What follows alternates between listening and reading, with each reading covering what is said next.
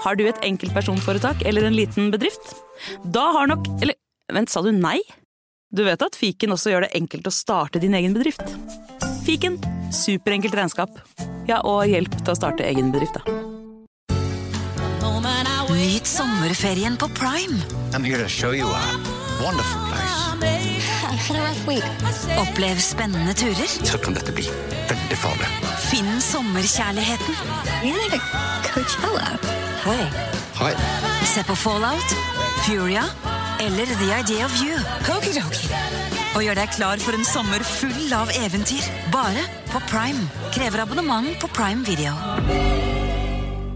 Hei, og takk for at du hører på denne podkasten. Bøddel er en eh, miniserie som tidligere har blitt publisert i Untold, men ut mai vil du få tilgang til denne samt en rekke andre miniserier og ukentlige episoder av Moderne Media sine podkaster. Du finner Bøddel og andre podkaster som Henrettelsespodden helt reklamefritt i Untold. Som en liten smakebit så får du hver uke i mai en ny episode av disse podkastene, som vanligvis kun er tilgjengelig for Untold-abonnenter. Hvis du liker det du hører, så bør du laste ned Untold, eller gå til untold.app for å starte ditt abonnement i dag. Advarsel. I denne podkasten vil du høre historier basert på informasjon programlederne har funnet selv. Programlederne står ikke nødvendigvis inne for meninger og syn som fremstilles. Noen påstander kan avvike fra virkeligheten.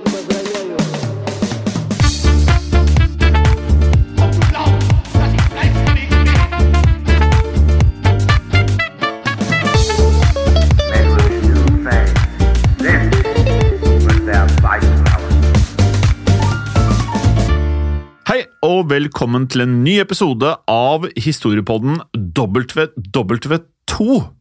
Kan jo kalle andre verdenskrig, eller hva, Morten? Jeg eh, pleier å si eh, historie på den andre verdenskrig, men eh, gjerne skrive historie på den WW2. Ja. Ellers kan man si Det er vel omtrent det vi har gjort på Spotify og sånn også. Ja, vi sier det. Eller man kan jo si historiepodden VV2, eller? Ja, men da blir det plutselig verken fugl eller fisk, som man sier. Ja, det er For det, det, er jo dob det er jo forskjell på V og W.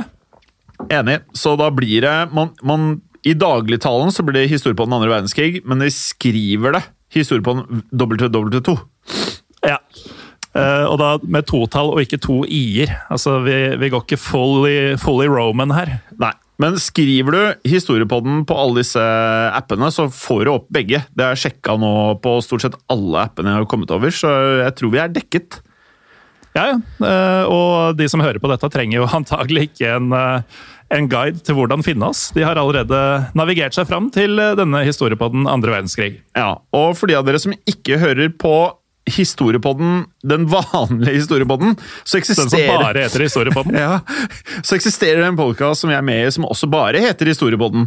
Eh, og begge podkastene har samme sosiale mediekontoer. altså Instagrammen vår er Historiepodden Norge, og det er vi også på Facebook.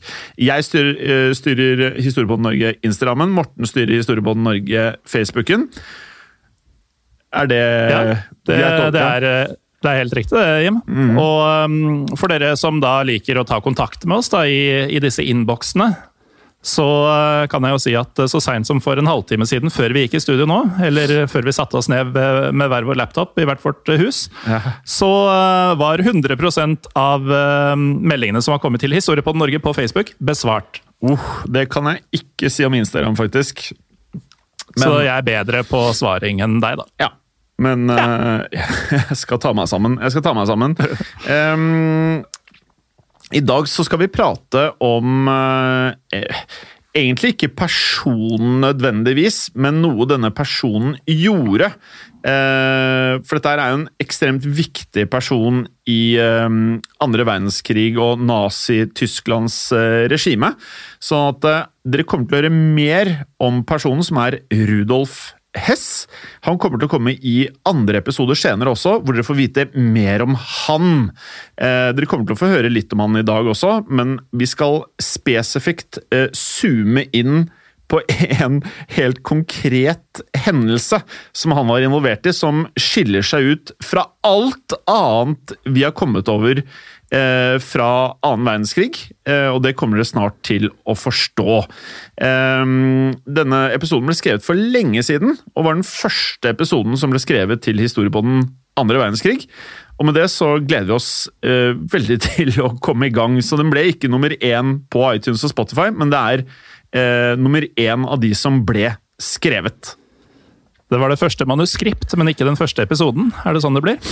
Det var en bedre måte å si det på. Eh, Dagens mann og dagens tema er som sagt eh, Rudolf Hess. Han er eh, for veldig, veldig, veldig mange et velkjent eh, navn. Eh, og for annet meg selv, som har sett utallige dokumentarer fra WW2, eh, så er det sånn at han dukker opp i stort sett alle kontekster hvor man prater om enten NSDAP, altså nazi, nazipartiet, eh, og også da Hitlers indre sirkel. Eh, og var en av de aller, aller mektigste personene i Tyskland når eh, I hvert fall når andre verdenskrig brøt ut, og også en viktig støttespiller av Adolf Hitler før det ble en krig eh, i regi av Nazi-Tyskland. Eh, han blir også omtalt som Adolf Hitlers stedfortreder, og det sier jo ikke rent lite. Nei, Da er du høyt oppe i systemet, og um, han var da bak kun Hitler og uh, en periode Herman Göring, altså sjefen for Luftwaffe, på den nazistiske rangstigen. Uh, altså den tredje mektigste mannen i Nazi-Tyskland, uh, hvis man skal rangere dem sånn. Og ikke bare var Rudolf Hess uh, mektig, men han var hovedperson da i en av som du har sagt, Jim, en av de merkeligste hendelsene i andre verdenskrig. Dit kommer vi. Men Rudolf Hess var altså Hitlers personlige sekretær, og de to var nære venner i mange år. Ja, og denne eh, spesielle hendelsen, eller denne eh, spesielle akten av Rudolf Hess, må vi kanskje kunne si, under annen verdenskrig, er noe som da Og dette her legger jo eh, grobunnen for hvorfor dette er en såpass spennende episode, og den første som ble skrevet, er at dette fikk faktisk selveste Adolf Hitler til å stemple han som splitter pine gæren! Altså, mannen som eh, orkestrerte en av de verste krigene gjennom tidene, mente at Hess var gæren! Ja, eh, da, da har du på en måte satt en, eh, en ganske uoppnåelig standard for galskap. da. Når, når det er selveste Hitler som mener at du er kaklende gal. Um, men det kan vi jo fortelle om litt senere i episoden. La oss begynne med å bli bedre kjent med eh, Rudolf Hess. Ja, Rudolf Hess han ble født den 26. april 1894 eh, på et så lite arisk sted som eh, i Alexandria i Egypt. Eh, et Egypt som på denne tiden var okkupert av britene. Ja, Men samtidig var det jo også da en del av dette osmanske riket, som før var ja, en av historiens aller, aller største og dominerende dynastier. Ja, og osmanerne og deres mange interessante sultaner, Jim, de må vi snakke om i den vanlige historiepodden på et tidspunkt. Ja, det tenker jeg også. Um, tilbake her til 1894. Det er en eh, stund tilbake. Var imidlertid de, det osmanske riket på vei nedover, og britene styrte i praksis Egypt. Ja, Familien Hess var en svært velstående familie og kom opprinnelig fra Tsjekkia, men de hadde da bosatt seg i Tyskland på 1760-tallet, altså over 200 år tidligere. Rudolfs bestefar, Johan Christian Hess, eh, og det blir noen Johan-versjoner eh, med Hess som etternavn her. eh, Men det er da Rudolf sin bestefar, Johan Christian Hess, han gifta seg med Margareta Bühler, som var datteren av en sveitsisk konsul, og dette skjedde i 1861. Ja. Og etter fødselen av Rudolfs far, Johan Fritz Hess, flyttet familien eh, til det vi nevnte, altså Alexandra. Og bestefar, altså Johan Christian, han grunnla et importfirma som het Hess og Co. Ehm, og senere skulle da far, Johan Fritz, ta over, og da var vi kommet til 1888. Eh, Rudolfs bror Alfred han ble født i 1897, og søsteren Margareta ble født i 1908. Og Familien bodde, etter hva vi har forstått, i eh, noe som var en staselig flott villa på den egyptiske kysten, og var ofte på besøk i Tyskland allerede på denne tiden, der de bodde i eh, sommerhuset ved Fichtelfjellene. Ja, og dette høres jo idyllisk og hyggelig ut, men uh, Rudolf Hess eh, sin barndom i Egypt, den, uh, den fylte Rudolf med en forakt for alle mennesker som ikke var hvite. Uh, og den fylte han også med en sterk beundring for det britiske imperiet.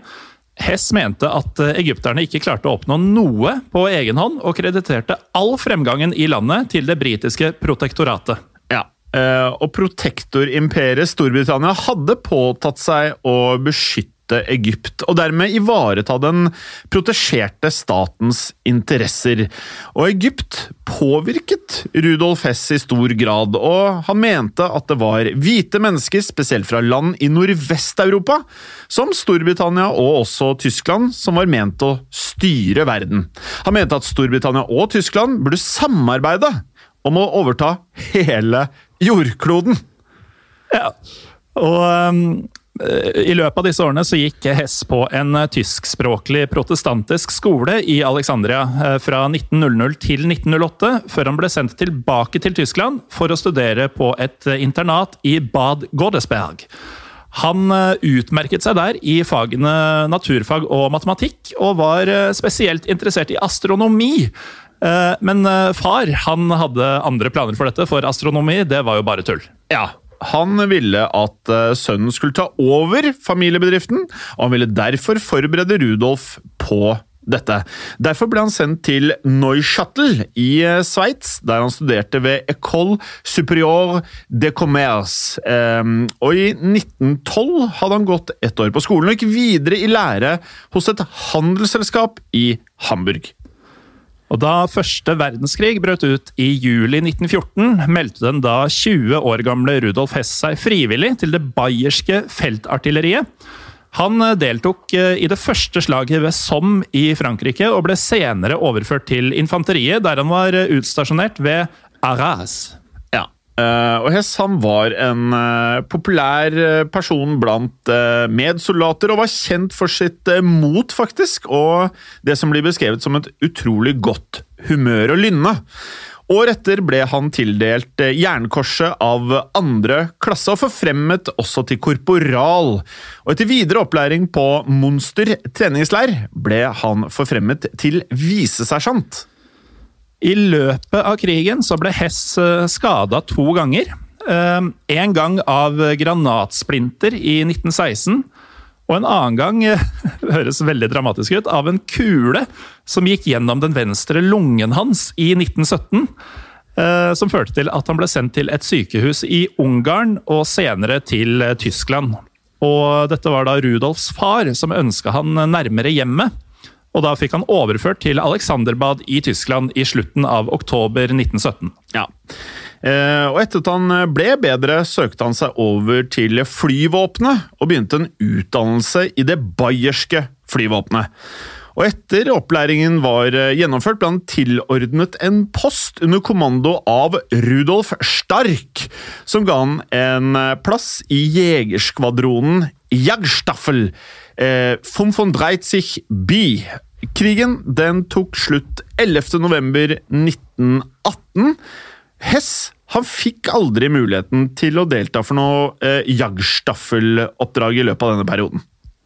Nei, så dermed ble Hess dimittert i desember 1918 og tilbrakte jula sammen med familien. Og på samme tid så kom Hess i kontakt med Thuleselskapet. Um, har som vi skal snakke mer om.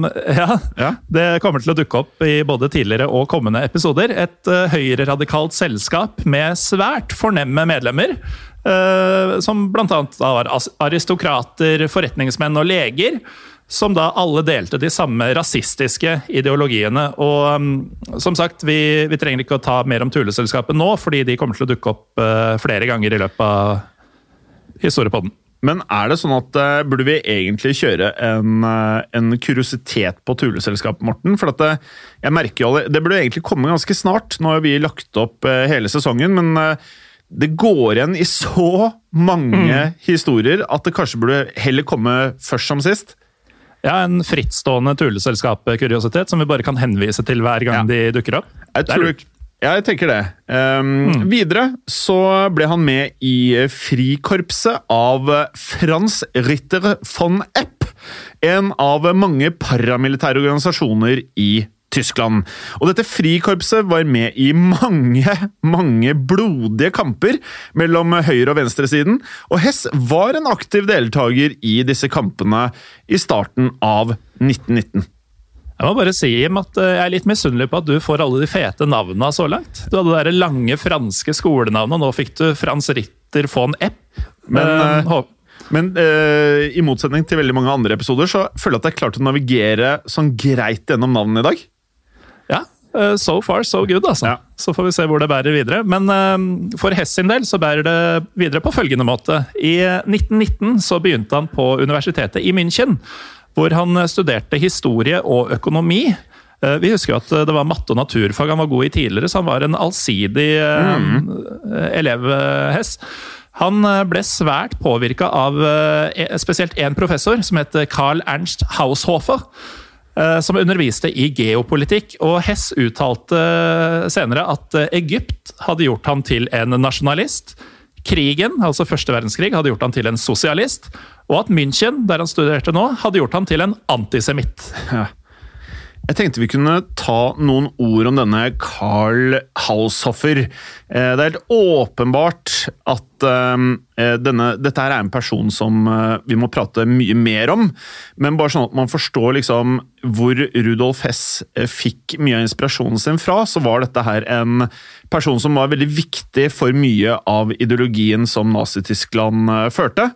Em, vi kan jo starte med CV-en hans, som var at han faktisk da var en tysk general, også geopolitiker og også en filosof. Og Ernst skal ha vært påvirket av en Friedrich Ratzel, som var en annen viktig person i det han eh, lanserte begrepet Lebensraum. Og det vet vi var eh, et forferdelig eh, begrep, eller tolkning av begrepet. Eh, Og dette var igjen noe som bidro til at Haushoffer kunne legge grunnlaget for denne geopolitikken. Og når vi spoler litt frem til 1921, ble Haushofer professor i München, og det bør da eh, ringe en bjelle, for dette er jo der Hess ble kjent med Ernst, fordi da eh, Rudolf Hess var en av hans studenter. Og det har også blitt spekulert i om Haushoffers ideer, og hør på det her, kan ha påvirket Mein Kampf, altså boken til Hitler. Eh, og denne boken tjente jo Hitler såpass mye på at han faktisk da kjøpte denne eh, fritidsboligen oppe i fjellene. Og måten Mein Kampf ble skrevet på, angivelig, var da at Hitler videre dikterte til Rudolf Hess. Uh, det var eh, mye, mye juicy greier på en gang, Jim. Men det var altså eh, professor Haushofer. Eh, men hva med faget geopolitikk? Hva, hva drev de med der? Ja, Faget det lærte studentene om hvordan internasjonal politikk ble mer eller mindre påvirket av geografiske forhold. Sånn at eh, Haushofer var eh, da, som vi nevnte tidligere, eh, general i hæren. Og mm, han argumenterte for at land var biologiske organismer som både vokste og som også krympet. Og at i kampen om plass på jorden ville de sterke landene ta landområder fra de svakere landene.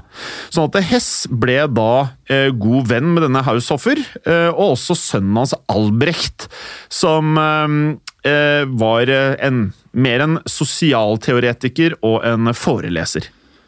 Og dette var åpenbart gode sosiale år for Rudolf Hess, fordi året etter så møtte han det som skulle bli hans eh, kone, Ilse Prøhl. Hun Ja. var en av Rudolf Hess sine medstudenter. Og de møttes faktisk tilfeldig, da de en dag hadde leid rom på samme pensjonat. Eh, Dette møtet førte jo da til full blomst, og paret gifta seg 20.12.1927 og fikk eh, sitt eneste barn, Wolf Rudiger Hess. Og, og, eh, og, og et mer tysk Altså Wolf Rüdiger. Hess! Altså Han er ikke fra Gambia, han. Nei, han er ikke fra Gambia. Han er heller ikke fra Egypt, høres det ut som. Nei. Han ble da født ti år etter at de gifta seg, 18.11.1937. Og Wolf, altså i tillegg til å ha verdens tyskeste navn, så kom dette navnet da delvis etter at han ble oppkalt etter Hitler, fordi Hitler brukte Wolf som et kallenavn på seg selv. Ja, og som vi må prate om masse i denne podkasten, så er egentlig Det føles som at Adolf Hitler var nærmest uh, inspirert eller besatt av ulver eller Wolf. For det dukker opp i flere settinger. Eh, og uansett, da, så var det sånn at etter å ha hørt nazipartiets leder, selveste Adolf Hitler, prate for aller første gang i München, var Hess totalt viet til Hitler og alle hans ville ideologier. Han var Hitlers største fan, altså han var en fanboy. Og de hadde til felles det at de begge trodde på at eh, Tyskland hadde tapt første verdenskrig av en sammensvergelse av jøder og bolsjeviker. Um, og med det ble Hess med i nazipartiet den 1. juli 1920, og han var da så tidlig med at vi har forstått det slik at han hadde medlemsnummer 16. Det er ganske lavt, altså. Ja. I et uh, land med mange millioner som bare ble feid med av denne bølgen. Ja, og her skjønner vi også hvordan koblingen mellom Rudolf Hess og Adolf Hitler er såpass uh, sterk. De går way back. Og partiet det fortsatte å vokse, og Hess hadde da ansvar for innsamlinger og organisatoriske aktiviteter i partiet. Videre, og da var vi kommet til, etter hva vi har forstått det, eh, en gang før 1922, vi har ikke et presist årstall her, men Hess ble videre med i Sturmabteilung, eller det som blir eh, kalt for SA. Og her hjalp han til med å organisere og også rekruttere til partiet. Og Samtidig som nazipartiet ble større og sterkere, så ble tilstandene i Tyskland generelt verre. Eh, Det var en hyperinflasjon. Eh, Jim, du med din økonomiske bakgrunn, hva, hva er hyperinflasjon? En hyperinflasjon er eh, i utgangspunktet det at uh, inflasjonen går ut av kontroll, samtidig som at uh, selve verdien av en eh, valuta uh, svekkes. da. Så du får egentlig ganske håpløst eh, forhold. Så prisene går opp, mens pengene du har er verdt mindre enn de var før? samtidig? Ja, og, og da får du en sånn type eh, trillebår-effekt. At du kanskje må ha en trillebår med fullt av penger for å kunne kjøpe en, eh, ja, et brød. Ja, fordi denne hyperinflasjonen førte jo da til at mange personlige formuer i praksis ble verdiløse, og dette førte igjen til at det var stor uro blant det tyske folket. En uro som Hitler tolka som at eh, tiden var inne for å prøve å ta kontroll over regjeringa med et statskupp. Ja, og vi vet jo eh, når du er stor fanboy av eh, Hitler, som Hess var, så var han med Hitler natten til 8. november 1923, da han og resten av SA stormet et offentlig møte organisert av Bayerns eh, uoffisielle leder, vel å merke, Gustav von Kahr, i en stor ølhall i München. Og her, Morten, her må jeg spørre deg, for jeg har nemlig vært i veldig mange, og da mener jeg veldig mange ølhaller i München. Har du? Jeg har vært i en god del ølhaller i München sjøl, og jeg har alltid syntes det er så rart når man leser om disse nazihistoriene, som er så, altså, så mye fælt de har ført med seg. eh, Hvor hyggelig setting det liksom høres ut som det har vært. da, fordi jeg koser meg gløgg i hjel hvis jeg sitter i en ølhall i München og spiser en eh, saltspretzel og, og sånn. Ja. Men det er altså episenteret for noe av det verste verden har sett. Ja, jeg satt egentlig med nøyaktig samme inntrykk eh, som deg. Eh, og en annen liten sånn eh, fun fact der var at jeg var der ett år før koronaen kom. Og da var det slik at da de akkurat, ifølge han vi prata med, innført sånn at de ikke kunne tisse ved benkene. Så hvis du satt for, for rundt ølhallene, så hadde man da ølparker. Sånne svære parker med eh, Den ene vi var på, rommet nok plasser til 5000 øldrikkende entusiaster der. Ai, ai. Eh, og da var det visstnok eh, sånn at du tidligere i tiden kunne bare vippe opp lederhåsen og tisse ut av lederhåsen ned på grusen. Så jeg, Det var nå plutselig ikke greit lenger, tilbake i 2019. var det? Nei, men alle fulgte ikke denne restriksjonen. For ved siden Nei. av oss så satt det noen som sikkert har drukket der i 20-30 år, og de pissa bare rett ut. Og jeg så han ene ikke eh, tok igjen eh, luken, så han hadde bare utstyret hengende ut og kunne da pisse med jevne mellomrom. Men når det er plass til så mye folk, så skjønner man også hvordan Hitler kunne liksom trampe opp denne entusiasmen. Og det var ekstremt mye mennesker på ett sted, og fulle mennesker og likesinnede mennesker. Så når man først har vært der, så skjønner man også litt av den settingen som har vært der på denne tiden. Sant det. Hitler han erklærte dannelsen av en ny regjering og kunngjorde at revolusjonen den var i gang.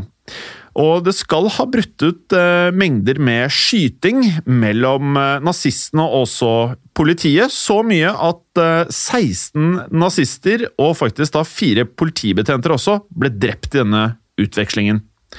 Hitler, han, eh, som et resultat av dette, måtte rømme, og han rømte til landsbygda etter eh, en rekke arrestasjoner, men skal da etter kun et par dager ha blitt eh, funnet, og ble der tiltalt for forræderi. Hess på sin side han flykta til sine gamle venner i Haushofer-familien, som vi prata om, som han ble kjent med på universitetet. Og dro senere til Østerrike, men ble på et tidspunkt overbevist om å dra tilbake til Tyskland, hvor han da ble arrestert og dømt til 18 måneder i fengsel for eh, sin rolle i dette kuppforsøket. Hitler han ble dømt til fem års fengsel, som jo høres ut som en ganske mild straff for forræderi, vil jeg si. Eh, Samtidig som nazistpartiet og SA eh, ble forbudt. Ja, så her merker man at det ble, det ble tatt grep, i hvert fall da, i og med at disse, både partiet og SA ble forbudt. Men kanskje noe korte fengselsstraffer, dette her. eh, videre så var det sånn at i fengselet i Landsberg begynte Hitler å jobbe med sine memoarer. Og da tilbake til det vi nevnte tidligere, boken Mein Kampf. Som han da, som vi nevnte, dikterte til Hess og, og en annen innsatt ved navn Emil Maurice. Og Verket det ble redigert av Max Amann eh, og Hess, deriblant flere andre. Og ble utgitt i eh, to deler, i 1925 og 1926. Og Bøkene de ble senere utgitt i ett bind, og skulle bli en så stor eh, attraksjon, tydeligvis, eh, og en bestselger, at eh, han, han eh, godeste Hitler ble faktisk noen beskriver det som rik på Mein Kampf. Og denne boken, da, som vi vet, med budskapet som det uh, førte med, var um, deriblant uh, oppmuntret til voldelig antisemittisme, og ble da videre grunnlaget for nazipartiets uh, politiske plattform. Ja, og like før jul, den 20. desember 1924, så ble Hitler prøveløslatt, og Hess han kom ut ti dager senere. Så her var stjernene på plass for, eh, for Hess og Hitler. Og forbudet mot nazipartiet og SA ble også opphevet. Det skjedde i februar 1925, bare et par måneder etterpå. Og partiet det vokste igjen gradvis. I 1929 så hadde de 150 000 medlemmer. Og ved valget i 1928 så fikk de bare mm, 2,6% faktisk av eh, stemmene, men eh, de fikk stadig mer støtte i årene som skulle komme. Ja, og um, her så høres det jo relativt ufarlig ut da, med så lav uh, støtte i landet. Videre. Hitler uh, gikk videre til å utnevne Hess til sin private sekretær i 1925, og um, uh, sin personlige adjutant i 1929. Uh, og som adjutant, uh, Gallosen, hva gjør man da? En adjutant er vel en eh, slags militær rådgiver, men eh, kan også være sekretær til et eh, overhode, som jo Hess var for Hitler. Ja. Og Hess han fulgte med Hitler på taleoppdrag rundt om i landet. Videoer som man kan finne på YouTube i dag. Det er ganske heftige saker. Han ble videre en av førerens aller, aller nærmeste venner. Og på privaten så hadde jo Hess beholdt sin interesse for eh, flyvning. Vi husker jo at han eh, gikk inn i denne jagerskvadronen eh, under første verdenskrig. Og fikk i 1929 pilotlisens. I 1930 så ble han eier av et BMF M23B monoplan, Ja. som da altså er et fly. Han loggførte mye flytid og ble svært dyktig i driften av lette enmotorsfly, som dette var. Ja. Og Hess var en av de få menneskene som kunne møte Hitler uten en avtale. I 1932 ble Hess utnevnt som nestleder for partiet og leder for partiets sentrale politiske kommisjon. Ja, og En annen høytstående nazist, Josef Goebbels, han beskrev Rudolf Hess som selve samvittigheten i nazipartiet. For, eh, for det var i hvert fall ikke Goebbels selv som var det. Uh, Goebbels mente at uh, Hess var en ærlig, en ordentlig og en intelligent mann. Men selv om Hess og Hitler var venner, så var de jo ikke alltid enige. Hess var veldig opptatt av sin egen helse. Han var vegetarianer og verken røyka eller drakk. Og det er jo litt bortkasta når du tilbringer så mye tid i ølhaller, men han om det. Han tok med seg sin egen mat på middager i Hitlers feriehus, altså Berghof. Og Hitler syntes jo dette var eh, svært uhøflig, og, og syntes jo at eh, Hess var en, en litt sær fyr. og jeg, eh, altså jeg tror jo vegetarianisme i dag er ganske mye mer utbredt og mer godtatt enn det var, spesielt kanskje blant nazister på 20- og 30-tallet. Um, og etter å ha gjort dette ved flere anledninger, da, så, så, slutta Hitler rett og slett å sende middagsinvitasjoner til Rudolf Hess. Det, det, det tror jeg ikke Hess var så glad for, kanskje. Nei, det kan hende at eh, det begynner å skjære seg litt nå. altså. Ja. 30. januar 1933 ble Hitler utnevnt som rikskansler. Og dette var hans eh, første skritt på veien mot å få dette diktatoriske eh, stempelet, altså kontrollen over Tyskland. Her ble jo da Hess utnevnt som nestleder for nazistpartiet, eh, og da har vi kommet til april, nærmere bestemt 21. april. Og hver gang Hitler talte, kunne man se Hess rett bak han. Han var fortsatt en av Hitlers mest lojale og betrodde menn.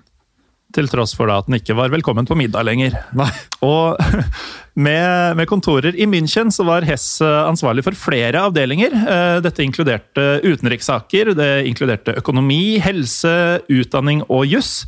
Eh, og all lovgivning gikk gjennom eh, Rudolf Hess sitt kontor for godkjenning, bortsett fra det som gjaldt politiet, hæren og utenrikspolitikken. I tiden som ledet frem til andre verdenskrig, begynte Hitler å bli mer usikker på evnene til Hess.